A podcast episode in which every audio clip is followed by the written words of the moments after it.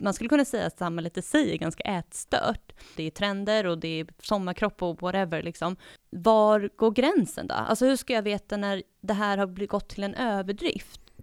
Hej du som lyssnar, det här är en podcast från Region Skåne. Här ska vi prata om ätstörningar och jag heter Jon Loman och är kommunikatör. Men det är inte jag som kommer att stå för det intellektuella utbytet utan det är gästerna här i studion. Med mig har jag Mia, Kim och Felicia.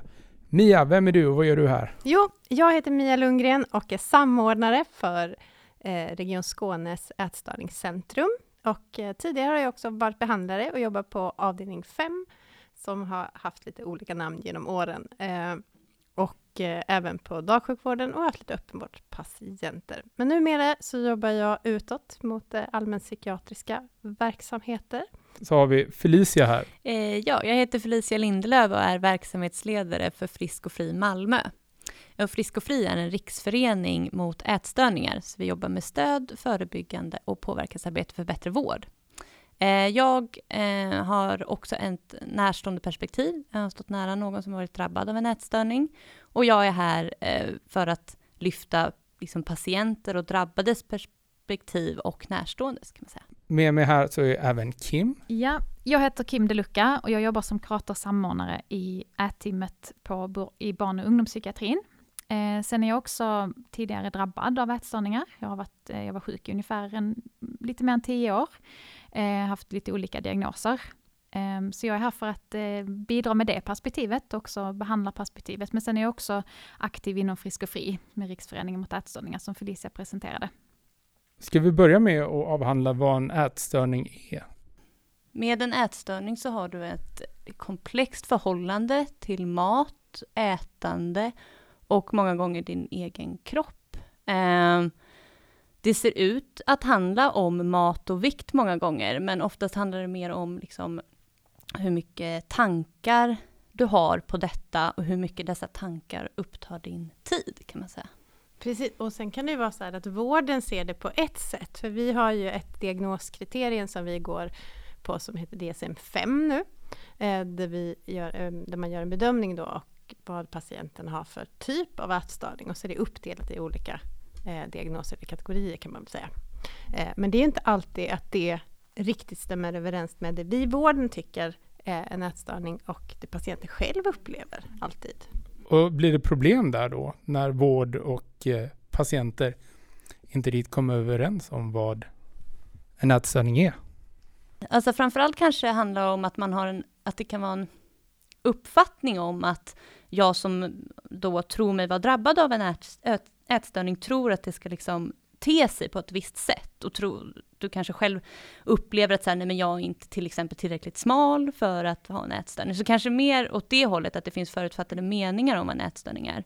Sen så kan det nog också krocka, som Mia var inne på här, att eh, vården kanske har det här mer liksom, diagnossystemet att följa och vissa kriterier som man lever upp till. Det blir liksom lite eh, staplar och man ska falla in i olika diagram eller någonting. Jag själv har ju varit drabbad av ätstörningar eh, under lång tid och haft många olika diagnoser.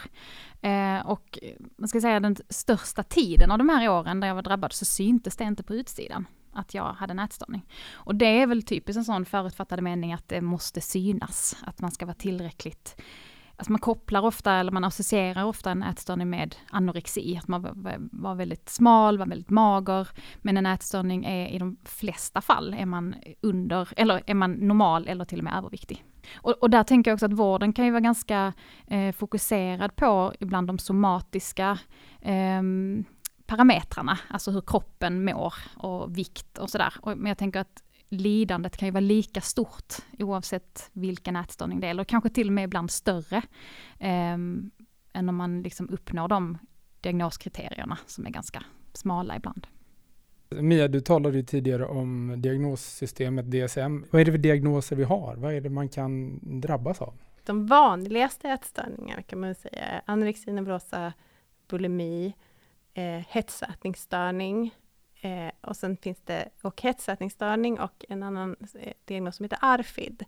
De låg fort, förut under ospecificerad ätstörning.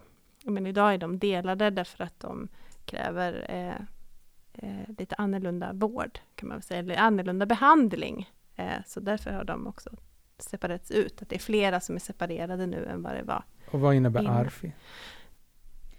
Det betyder undvikande restriktiv ätstörning, så att man är väldigt selektiv i sitt ätande. Så till exempel man kan märka det um, om man har autism exempelvis, så kan det vara ganska vanligt när man är liten att bara kunna äta vissa grejer. Så, så det kan börja där och sen um, Man behöver inte ha autism för att ha Nej, ARFID det he- heller. Nej. Eh, men och sen tänkte jag också bara nämna, eh, det finns ju något man pratar om också som ortorexi och det är ju ingen egen diagnos, det finns ju inte med i det här diagnossystemet och det är inget som vården heller behandlar, men det är någonting som eh, jag tänker ändå att man kan ta med i beräkningen lite, eller i diskussionen, att eh, ortorexi handlar om att träna på ett överdrivet sätt och vara eh, ja, nästan patologiskt besatt av mat och träning. Så, ren, renlärighet. Liksom. Precis, men den, det blandas ju ofta ihop i media som en, som en vanlig ätstörning. Mm. All, I stort sett de flesta ätstörningar, speciellt om det är anorexi, så ingår ju det här eh, på många att det är överdrivet tränande och man drar ner på mat. Så att de har på något sätt blandats ihop och bildat en egen eh, ät, medial ätstörning. Eh, men vi behandlar ju dem som, som eh, ute efter symptomet kan man väl säga. Mm. Och sen tycker jag att det är viktigt att lägga till att sen, nu har vi nämnt huvudgrupperna kan man säga, bland ätstörningar. Men sen finns det ju något som heter andra specificerade ätstörningar. Man kan liksom ha atypisk anorexia till exempel. Och jag, vi som patientförening brukar liksom inte, vi tänker inte så mycket på diagnoser, utan här, för oss är det viktigt att understryka att väldigt många människor går nog kanske emellan diagnoser och eh, kanske inte faller in i att jag har alla de här kriterierna, så att jag har, kanske inte lever upp till det, eller vad man ska säga. Konstigt ordval, men um, och jag tror också att det är en anledning till att diagnossystemet liksom har förändrats över tid. Man har fått göra om, för att man ser hela tiden att ätstörningar kan yttra sig på olika sätt. Och det finns inte, de här tre typiska räcker liksom inte till, utan det finns så många som har eh, vandrar emellan i lite gråzoner också. Ja, och de går ju in i varandra många gånger, precis som du var inne för, på innan Kim, att man kanske har under en tid, kanske du eh, lider av anorexi som går över i bulimi, som faktiskt går över till en hetsätningsstörning och tvärt emot. Så att många går ju in i varandra också, så det är ju viktigt att, eh, att man i vården också på något sätt får också en lång var i kontakt. Att försöka en kontinuitet i kontakterna. Och det är ju inte det lättaste eftersom folk slutar och det är omorganisationer och liknande. Men eh, så försöker vi jobba i alla fall nu att man ska ha eh, en långvarig kontakt. Att man försöker att ordna det i den mån det går. Just nu så håller vi på med ett förbättringsarbete eh, hos oss på, eh, på avdelning 5 i Lund, för det är vår heldygnsavdelning. Men där vi ska eh, jobba och titta lite på hur vi kan förbättra patienters upplevelse av heldygnsvården i sig, som inte kanske har med diagnosen att göra, men vi vet att det är ju tufft att, att eh, ja, men vara i heldygnsvården oavsett om man är på tvångsvård eller om man är på frivillig vård. Och det vill vi uppmärksamma på något sätt och se vad vi kan göra för att det ska bli bättre. Så vi håller på med ett litet, vi ska påbörja ett pilotprojekt på det på vår avdelning och med Eh, om det ger ett slags gott resultat eh, så hoppas vi att kunna eh, föra vidare det ut sen i resten av psykiatrin. För det tycker jag är viktigt. Men det kommer ju just ifrån att det har påtalats ifrån patienter från olika håll att man, att man har ibland en negativ upplevelse av helningsvården. Inte just kanske ifrån sin egen behandling, men att man upplever saker som är kring och som skapar olika trauman kring en. Och hur kan vi hjälpa till eh, med det på bästa sätt? Vad behöver ändras inom vården? Hur ska förhå- vårdens förhållningssätt till den här gruppen förändras? Vad är det som skaver mest idag? Det finns ganska mycket man skulle kunna svara på det tror jag. Men jag tror att det handlar om, om vi ska konkretisera ner det, så handlar det nog om att vi behöver ha mer resurser till ätstörningsvården. Men vi behöver också ha kompetens eh, hos alla som eh, ska mm, bedöma och behandla ätstörningar. Så att eh, egentligen i grund och botten handlar det nog om att mer kompetens, både till vården men även i samhället i övrigt, om vad en ätstörning är och vad det handlar om. Mm. Så det handlar mycket om att dels jobba förebyggande, eh, men också att eh, vården är ju uppdelad i olika nivåer. Och där kunskapen kan se väldigt olika ut eh, beroende på om man kommer, om man kommer i primärvården eller vårdcentralen till exempel. Och sen om man ska komma vidare till exempel ett specialistteam beroende på hur svår ätstörning eh, man har. Och där kan det se väldigt, väldigt olika ut. Men sen tycker jag också att vi överlag i vården har blivit väldigt mycket bättre på att, att samarbeta över gränserna. Och vi har ett stort jobb att göra fortfarande. Men jag tycker att vi har blivit väldigt mycket bättre på det. Och vi i Lund jobbar mycket på att, eh, att jobba över gränserna på olika sätt. Till exempel också det här med det vi gör nu tillsammans. Mm. tycker jag är jättekul att man får se både anhörig och eh, patientperspektivet tillsammans med oss. Att vi någonstans jobbar mot samma mål, att vi ska bli bättre och göra det bättre för de som är drabbade. Att hitta olika vägar.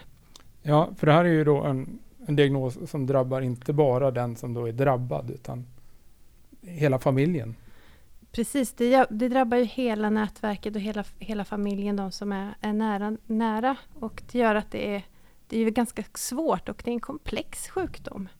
Eh, för det, den är på så många nivåer. Precis, och där tänker jag viktigt att säga att en ätstörning flyttar in i en familj väldigt successivt. Det går väldigt långsamt. Ehm, så till slut när kanske en familj kommer i vård, eller en patient, så mm. hela familjen liksom vet inte längre vad är normal portion. Man kanske bytt ut väldigt mycket produkter, äter mer light-produkter än, än tidigare och så. Så där behöver hela familjen liksom ofta ja, få koll igen på vad, vad, är, vad, är, vad är det att äta normalt. Mm.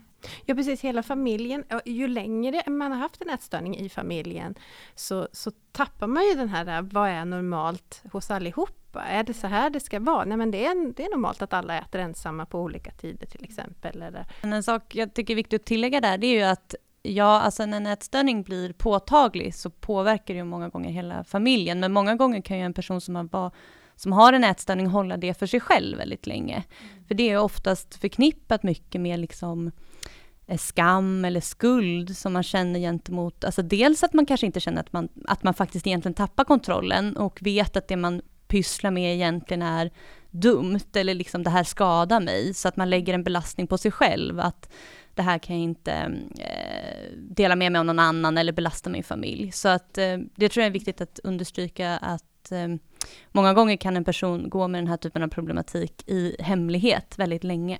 Mm. Och det, precis, och speciellt då om man har en, en ätstörning som inte handlar om undervikt, för till slut så kanske det, då syns det ofta, men när man inte har det då kan man ju absolut dölja det under lång tid. Och då kan det gå ganska långt innan eh, man kan få vård också kanske, innan man söker vård eller söker hjälp överlag. Ofta så börjar det också en ätstörning, det börjar ju med någonting ganska oskyldigt, att jag ska sluta äta godis, eller jag ska bli lite smalare, eller jag ska börja träna mer.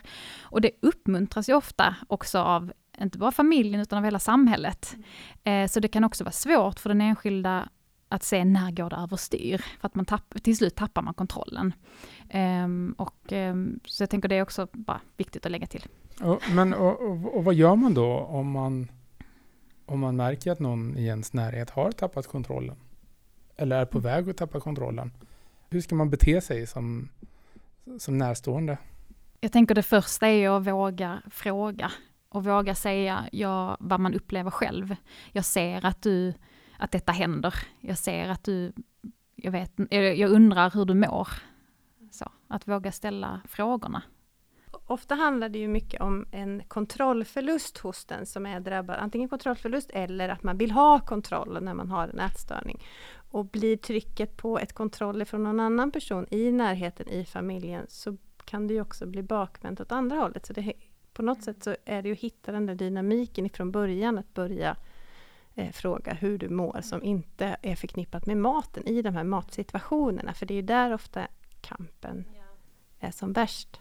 Ja, men jätteviktigt. Jag tänkte säga något liknande, att liksom, det blir ju lätt att man ser det förändrade matbeteendet och ätandet. Och då kan man vara försiktig med att kräva en förändring direkt, för att är det så att en person är drabbad av ätstörning, då kan man faktiskt inte med vilja liksom ändra ett beteende från en dag till en annan, utan då är det mer det som Kim och Mia är inne på, alltså försök att visa att du bryr dig och att du ser. Och det här är kring, liksom, vad är det egentligen? Alltså, kan det handla om något annat? Är det, hur är det i skolan till exempel? Eller är det, alltså, fokus, rikta fokuset mot tankar och känslor mer än det här som vi ser utåt. Som, för maten blir ett sätt att hantera många gånger eh, något som händer, in, händer inombords. Liksom.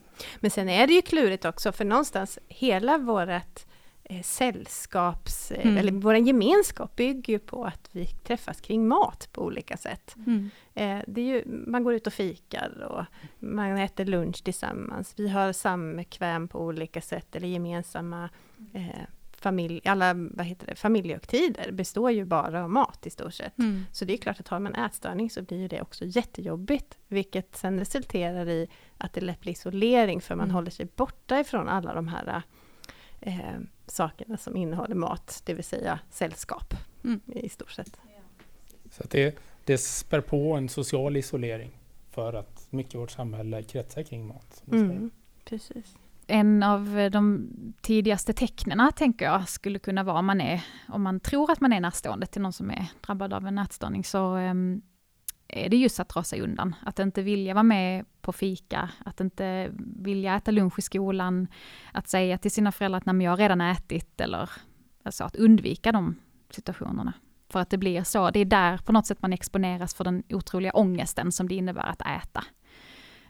Och vad gör man då? Ringer man 112 eller vad, hur, kontaktar man vården direkt eller vad, vad händer? Hur ska hur beter jag mig? Alltså, vi har ju till exempel stödlinjer i form av telefon där både man som drabbad och närstående kan ringa och där handlar det det spelar ingen roll om du har en ätstörning eller du får ringa vad som helst. Det brukar handla om att man är, eh, har en oro liksom och misstanke. Så därför blir ju kanske att kontakta oss kan ju många gånger ses som kanske en lite lägre tröskel än att söka vård direkt. Eh, Men många gånger handlar ju våra samtal om vården eller möjligheter till så här, vägen fram till vård. För det är ju inte alltid så lätt och det ser lite olika ut i landet kan man säga.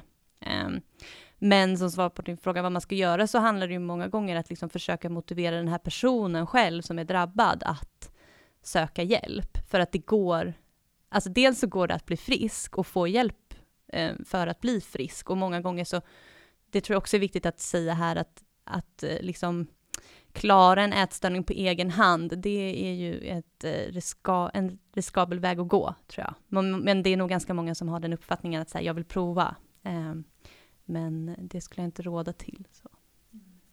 Och annars är det ju att man söka vårdcentralen, det är ju de i första hand som man ska eh, söka sig till. Och då får de göra en första bedömning om det är så att man behöver, vilken typ av hjälp man behöver. Det kanske är att man behöver gå och prata med någon psykolog eller en kurator eller någon sjuksköterska där på vårdcentralen till att börja med. Ibland kanske det räcker.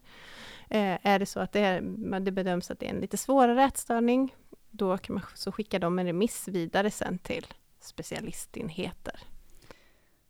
Jag kom på en sak som jag skulle vilja säga om en tidigare sak. Eh, och det berör lite så här eh, ätstörningens komplexitet. Vi var inne och pratade om att, ja men Mia du berättade så här, ja, men vi, vi utsätts ju för mat hela tiden i sällskap och liksom så här, eh, Kim berättade också att vi uppmanas ju, liksom, ja det är hälsa och det är dieter och det är trender och det är sommarkropp och whatever liksom.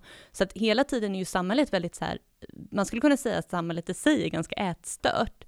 Och det jag, komplexiteten kring ätstörningar blir, man kan ringa in det lite här att så här, um, var går gränsen då? Alltså hur ska jag veta när det här har gått till en överdrift? Om jag liksom är på tok för hälsosam eller liksom bantar för mycket och jag tappar kontrollen. Och det finns ju, apropå vad en ätstörning är, så kan det vara lite svårt att definiera det, men jag sa i början där att jag tycker att det handlar om hur pass upptagen man är av de här tankarna och känslorna kopplat till mat och kropp. Men också, man skulle kunna jäm- kolla lite, testa sig själv, liksom så här, klarar jag av att vika av från min diet? Eller typ så här, idag är jag sjuk, kan jag hoppa över träningen? Eller skapar det väldigt mycket ångest hos mig? Att så här, nej men jag klarar inte av, eller ångest kanske också är ett lite svårdefinierat ord, men jag menar så här, hur pass jobbigt är det att utstå för sådana prövningar som kommer komma med vardagen, som kommer komma med att så här, ah, nu hinner inte jag med den här träningen, eller så här, oj, eh, tåget är sent, jag måste köpa något att äta. Liksom så här, har jag ett avslappnat förhållande till mat och träning? Kan man liksom testa sig om, även om man kanske, som många i samhället så här, har en viss typ av sätt att äta på, eller hur jag Mm. nu ska avrunda det där. Jag tänker också det som, det som gör det att det blir lite klurigt också, vi pratade om det här med kunskap innan hos behandlare och liknande. Att det som gör det svårt ibland att, ehm, att behandla de här patienterna, det är ju att man alltid själv har någon slags eh, föreställning om vad som är rätt och fel gällande mat, kropp eh, och motion. Alla människor har ju, någon, har ju en bild av det och man utgår ifrån sig själv väldigt mycket. Eh, och gör man det och samtidigt eh, då ska behandla eller träffa någon med en ätstörning så kan ju det krocka ibland och då är det lätt att jag lägger mina egna värderingar i när jag ska behandla eh, den här personen. Vilket kan göra att det blir väldigt jobbigt eh, och eh, skapa någon slags rädsla eh, hos behandlaren. Och det, och det, det, det är också en komplex bild när man ska behandla någon med en ätstörning.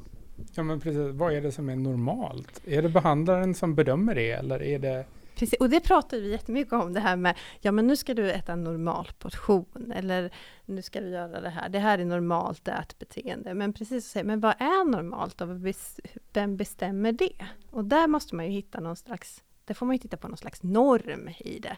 När det gäller portioner eller mat, men där går vi ju efter riktlinjer på hur man ska äta, hur mycket man behöver ha i sig och liknande. Men det gäller att vara ganska påläst också som när man ska jobba med den här gruppen. Och man behöver vara ganska stark i sig själv för att, för att eh, man utsätter sig också själv ifrån de här egna föreställningarna eller frågeställningarna. Vad är rätt och vad är fel? För vi matas ju också av media hela tiden och går igång på olika saker.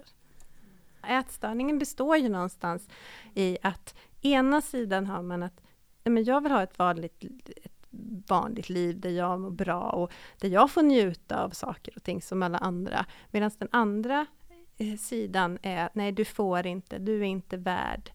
Eh, det är, bättre att du har, det är bättre att du inte äter de där glassarna till exempel. Och äter du en glass, då kommer du äta fem glassar. Du minns hur du var förra gången.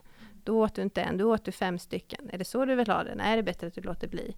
Att de här tankarna hela, hela tiden för många snurrar i huvudet. Ska jag, ska jag inte? Eh, vilket gör att det också blir väldigt svårt. Därför att ena minuten så kan man sitta och prata och ha ett jättefint samtal med en patient. För att det är så man vill. Jo, men det är klart att jag vill jobba för det här målet. Det är klart, det går jättebra. Och så i nästa stund så, så blir det inte så. För då har den andra rösten tagit över. Jag tänker, det vet ju säkert du mer, om, eh, Kim. Och det tänker jag, ätstörningen kan ofta fungera som en trygghet, som en vän, eh, som någonting, som en problemlösning. Så när livet blir tufft i övrigt så är det ett, liksom ett beteende att gå tillbaka till som känns väldigt vänligt och familjärt och tryggt. Um, och där tänker jag att en viktig del av behandlingen är ju också att, um, att bli motiverad till att välja det friska. Så. Um, men så länge, så länge liksom ätstörningen är den här vännen, är den här tryggheten, så, så tänker jag att då blir det svårt att liksom nå riktiga, så här, att bli frisk på riktigt. Liksom. Eller i alla fall var det så för mig. Och jag kan komma ihåg verkligen den där vändpunkten när jag bestämde mig för att jag ska bli frisk nu. Det här klarar, liksom, jag kan inte leva så här länge. Kan man bli frisk utan att, att, komma till den slutsatsen själv? Jag tänker att man skulle, jag tänker att vissa, att man kan leva friskt. För man kan ha kvar de här tankarna, det har man ju ofta kvar ett tag. Att tankarna finns kvar och liksom pockar på och uppmanar och så. Men att man inte sen agerar på dem. Och då tänker jag att man agerar friskt. Liksom. Man äter regelbundet, man äter tillräckligt. Man har ätstörda tankar men de liksom, man låter dem vara där. Eh, och sen över tid så brukar de ofta blekna bort och eh, jag tänker försvinna. Liksom. Ehm, men, eh, men också där att, att man kanske ska vara lite uppmärksam i, i, i perioder av förändringar i livet, när man får barn eller byter eh, jobb eller eh, tar examen och så vidare, att, att ätstörningen kan aktualiseras igen, att den kan komma upp. Liksom. Även när man tänker att nej men jag har inte haft en ätstörd tanke på fem år, så ska man ändå vara lite, tänker jag, observant på sig själv. Mm. Vem är det som drabbas då? Är det, är det män, är det kvinnor, är det fattiga, är det rika, är det gamla, är, är det unga? Vem blir sjuk? Det, det är lite olika beroende på vilken diagnos man pratar om då. Men eh, om man tänker den diagnosen som man ofta förknippar med ätstörning, alltså anorexi, så är det ju ofta unga tjejer som drabbas, mellan 13 till 15 år i debutåldern. Och där är det ju en på tio eh, som är en pojke. Så att eh, där är man ju ganska eh, eller så, tydligt vem som drabbas. Um, sen tänker jag också att um, jag vet inte om ni andra har mer liksom, prevalens på de andra diagnoserna, men jag tänker också att det finns ett stort mörkertal kring pojkar, män. Och att det kanske finns en annan eh, problematik, att man kanske ofta hamnar i, mer i det här, som jag nämnt innan, det här ortorektiska, alltså med träning, för där är en annan idealbild också hos män eh, som ska leva upp till. Eh, och också att att det kanske har den här stämpeln att det är en tjejsjukdom. Att det är ingenting som, nej men jag, det kan ju inte jag, det kan ju inte vara något som jag är drabbad av. Det är ju bara tjejer som får ätstörningar. Och att man inte söker vård och hjälp på grund av det. Sen tänker jag också i ålder, att det finns också ett mörkertal i ålder. Att eh, det börjat uppmärksammas mer att, att ätstörningar faktiskt drabbar äldre kvinnor och män också. Men att man har inte, liksom, man har inte riktat lampan dit innan och då har man inte heller sett det. Vi i Frisk och Fri brukar vara väldigt försiktiga med att prata om statistik, men många frågar. Och när vi är ute på föreläsningar, då har vi liksom med det för att ja, staplar och siffror säger någonting. Men det viktigaste är nog att säga att så här, vi, vet, vi vet väldigt lite, troligtvis, om hur, liksom, hur många som är drabbade och vem. Men som ett svar på din fråga, så här, vem drabbas av en ätstörning? Det kan, alla kan drabbas av en ätstörning oavsett liksom, klass och etnicitet och kön och, och könstillhörighet. Många, många elit, eller som jobbar, eller håller på med sporter där det är viktklasser, alla de är ju en riskzon kan man väl säga. Eh, det är alltid från dragkamp till jockeys till, eh, ja allt som har med viktklasser egentligen i sporter är ju en risk, en riskgrupp. Mm. Dans och individ, individuella sporter. Så här, uthåll. Och det var något jag tänkte säga där att eh, Ja men precis, vi kan lyfta fram lite exempel och vi kan ju säga att men vi ser att det är unga tjejer som drabbas mest, men att sätta ord på det gör ju, det är liksom lite känsligt, för då skapar vi ytterligare, då själva bidrar vi till den här bilden samtidigt som så här, jo men vi vet ju det och det märker vi på vilka som söker sig till oss också. Men vi träffar män, det var häromveckan pratade jag med en man som är 50 plus som har drabbad av anorexia, men som troligtvis, eller ja, jag vet inte om han har diagnosen anorexia, men alltså har inte fått vård för det och har troligtvis varit sjuk liksom hela sitt vuxna liv. Och det är ju sånt som man säger, ja men sånt händer och det, och det, det finns bland alla diagnoser. Liksom. Och jag tror att killarna mer, i många fall eh, får andra diagnoser också, mm. så man kanske får vård, men det kanske är för något annat. Exakt. Och sen kanske det är också en bidragande och att man ändå har en, en ätstörning i det. Mm. Så de som, ja, det är ett mörkertal och hoppas att det, det blir det blir fler killar, det ska jag väl inte säga, men man hoppas i alla fall att de killarna som är drabbade vågar söka vård och yeah. eh, kommer in mera i vården. Mm. Man håller på med en studie på killar just nu faktiskt, på ätstörningar. Mm eh, i Lund. Så vi hoppas att vi kommer få ta del av den snart. Mm, och jag kan tillägga att vi i Frisk och Fri, jag jobbar ju som verksamhetsledare för vår lokalavdelning, men vi har eh, drygt 40 volontärer som är aktiva och jobbar med vår verksamhet och alla de har ju antingen varit drabbade själva av en ätstörning eller står nära någon som har varit drabbad. Och där har vi ju liksom både kvinnor och män och i olika åldrar, så att det fattiga och rika, eller vad var det Ja, ah, just det. det också. det var också var lite din mm. ingångspunkt där. Precis. Eh, men all, kontentan är väl egentligen att alla kan drabbas mm. av en ätstörning, såklart. Mm. Du har hört en podcast från Region Skåne som spelades in på Dockan i Malmö i slutet av augusti 2021.